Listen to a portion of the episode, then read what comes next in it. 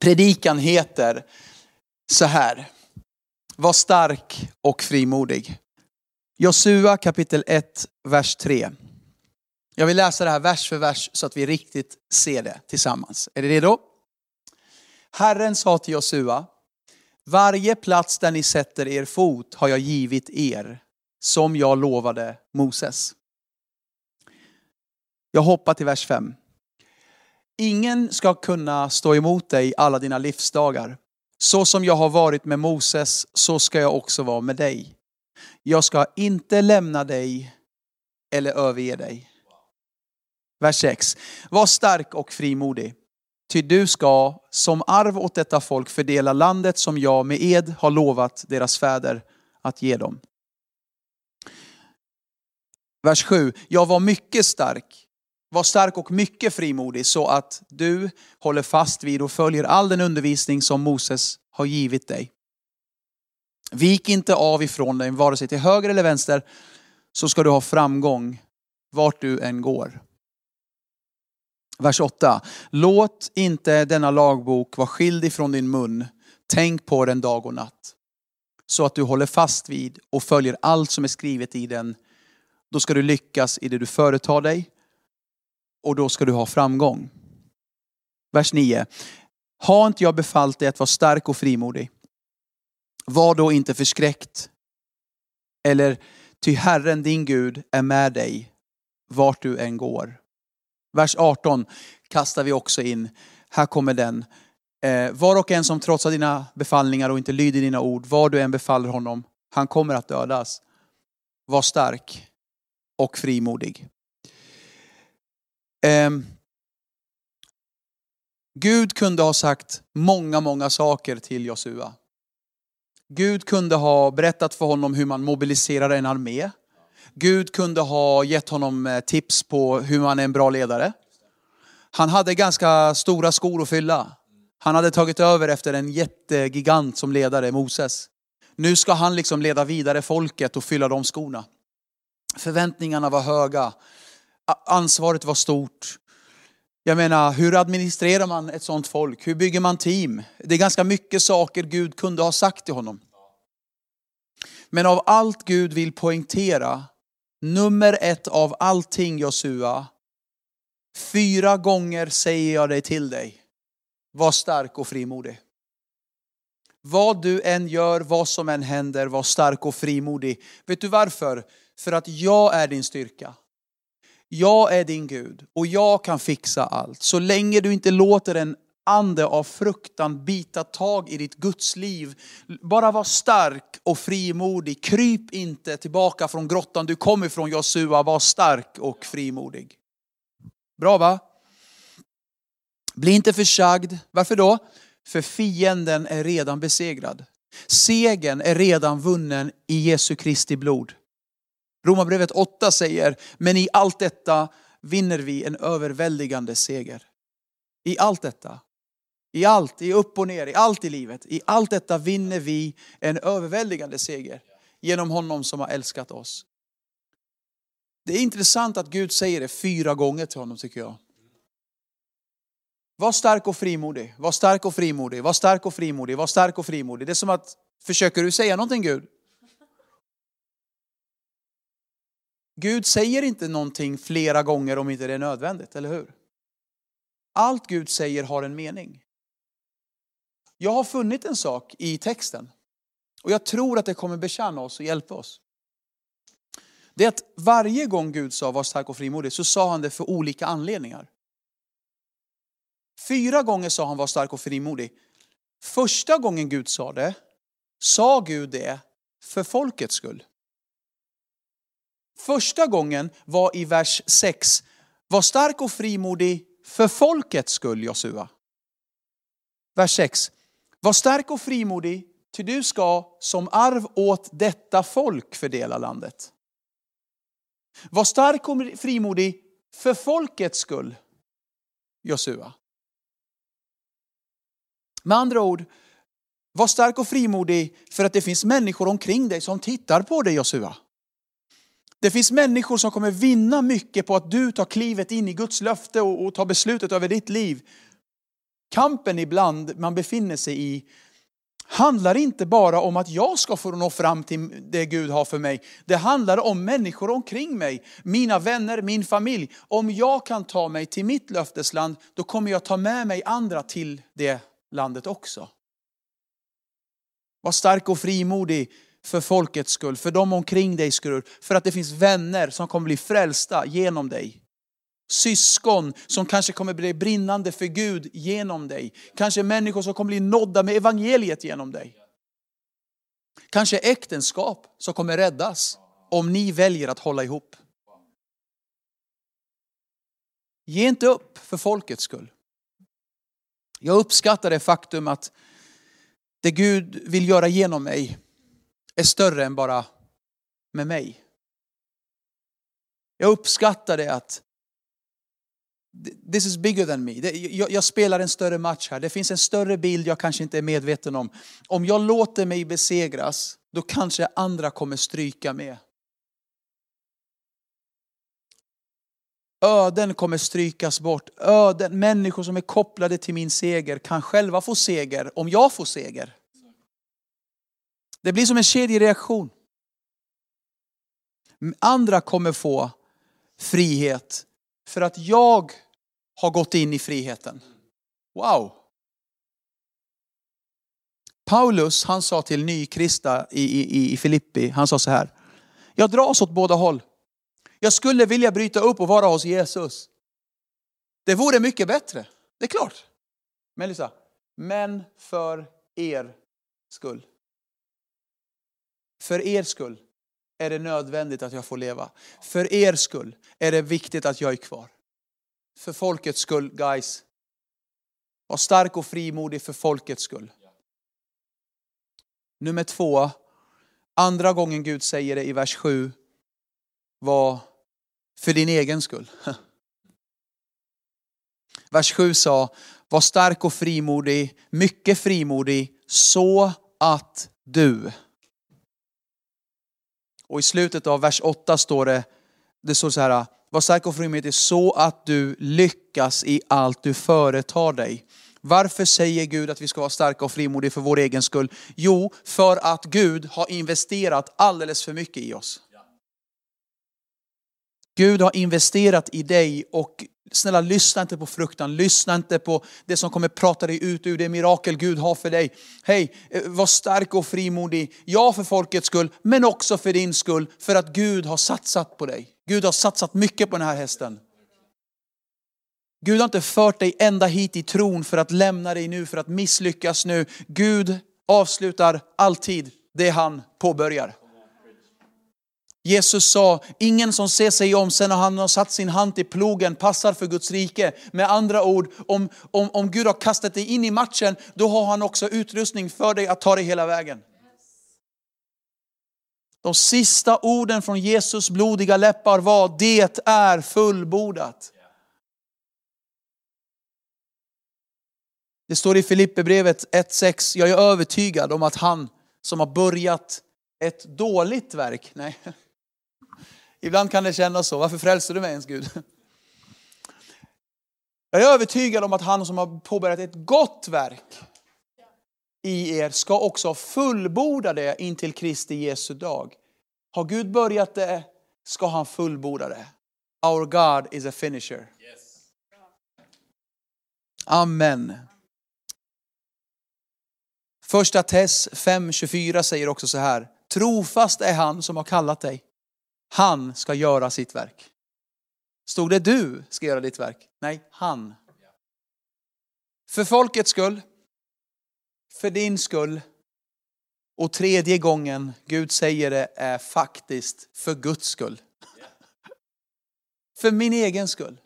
För Guds skull. Var stark och frimodig för Guds skull. Vers 9. Var stark och frimodig, ty Herren. Ser du det? Var stark och frimodig, ty Herren, din Gud, är med dig.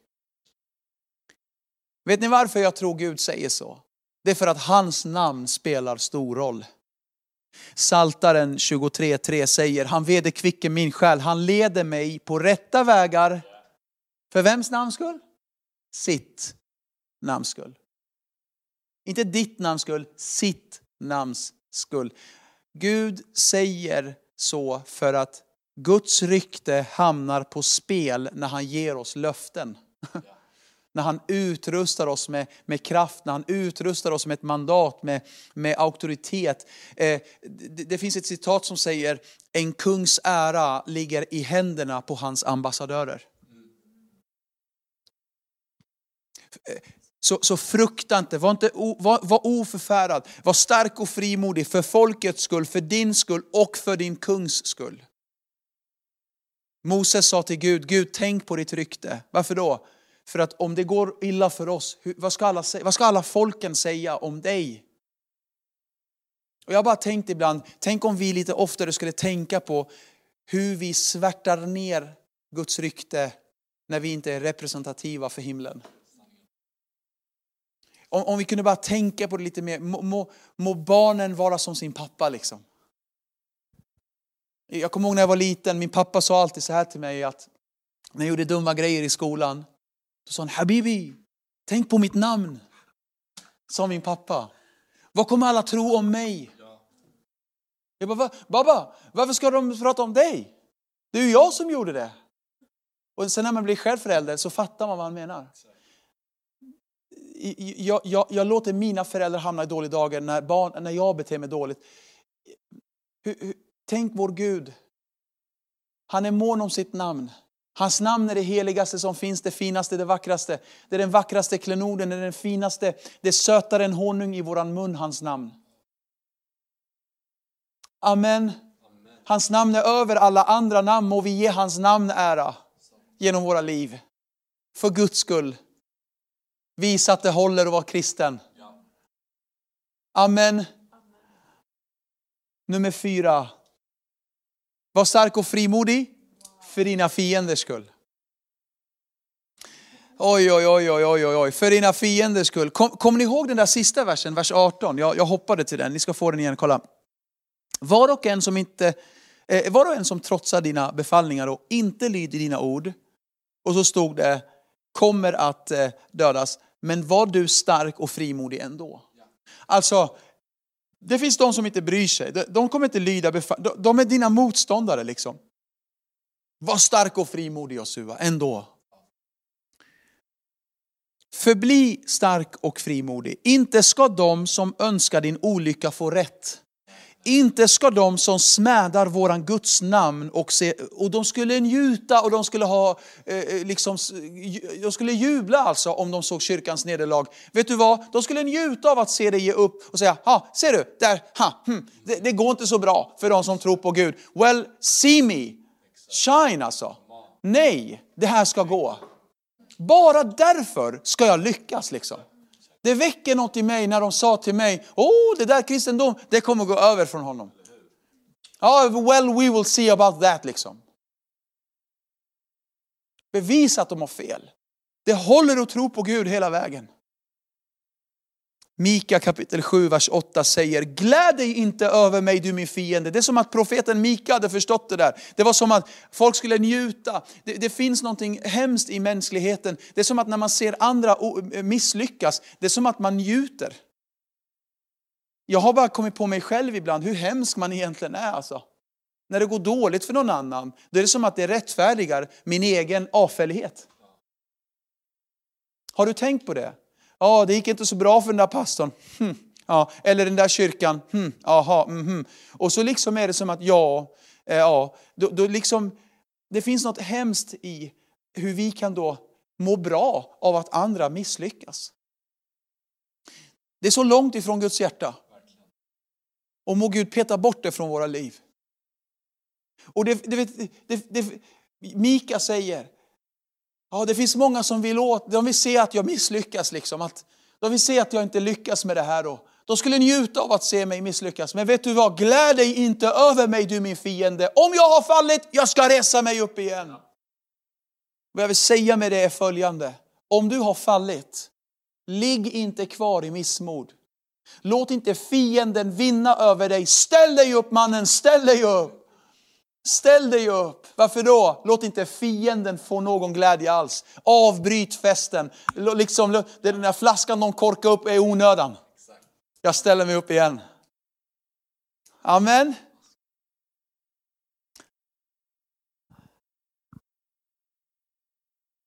Psalm 25. Min Gud, på dig förtröstar jag. Låt mig inte komma på skam. Här, kolla. Låt inte mina fiender jubla över mig. Amen. Boom va? Låt inte fienden jubla över mig. Låt inte fienden jubla över dig. Vet du vad jag tänker på nu? Jag tänker på den här versen i Jobb. När Gud skröt över Jobb. Gud skröt över sin tjänare Jobb. Han sa, han sa till Lucifer, han sa till fienden, har du lagt märke till Jobb min tjänare? Och, och, och fienden säger, ja det är klart han är glad, det är klart han är välsignad när du välsignar honom sådär mycket. Det är klart att han, det är, klart att han är glad, det är klart att han är lycklig. Har du, sett, hur, har du sett hur bra han har det? Du har gett honom allt.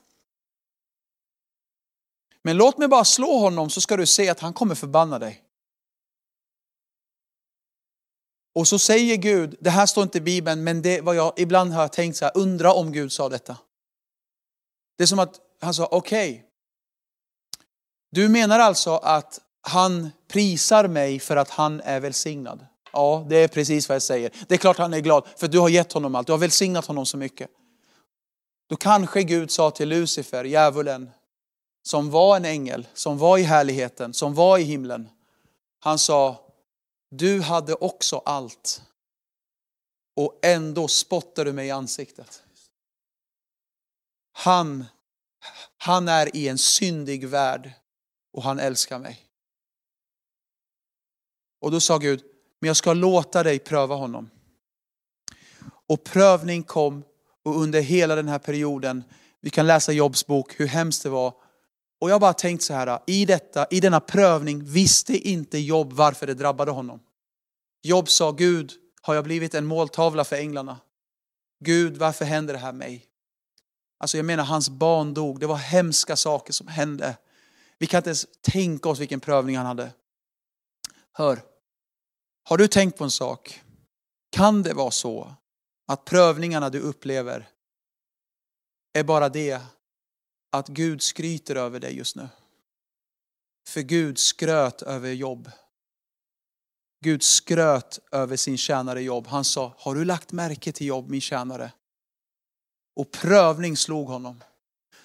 Kan det vara så att Gud skryter över dig i din prövning just nu? Gud är lycklig över dig. Och inte en gång har du förbannat, inte en gång har du vikit. För dina fienders skull.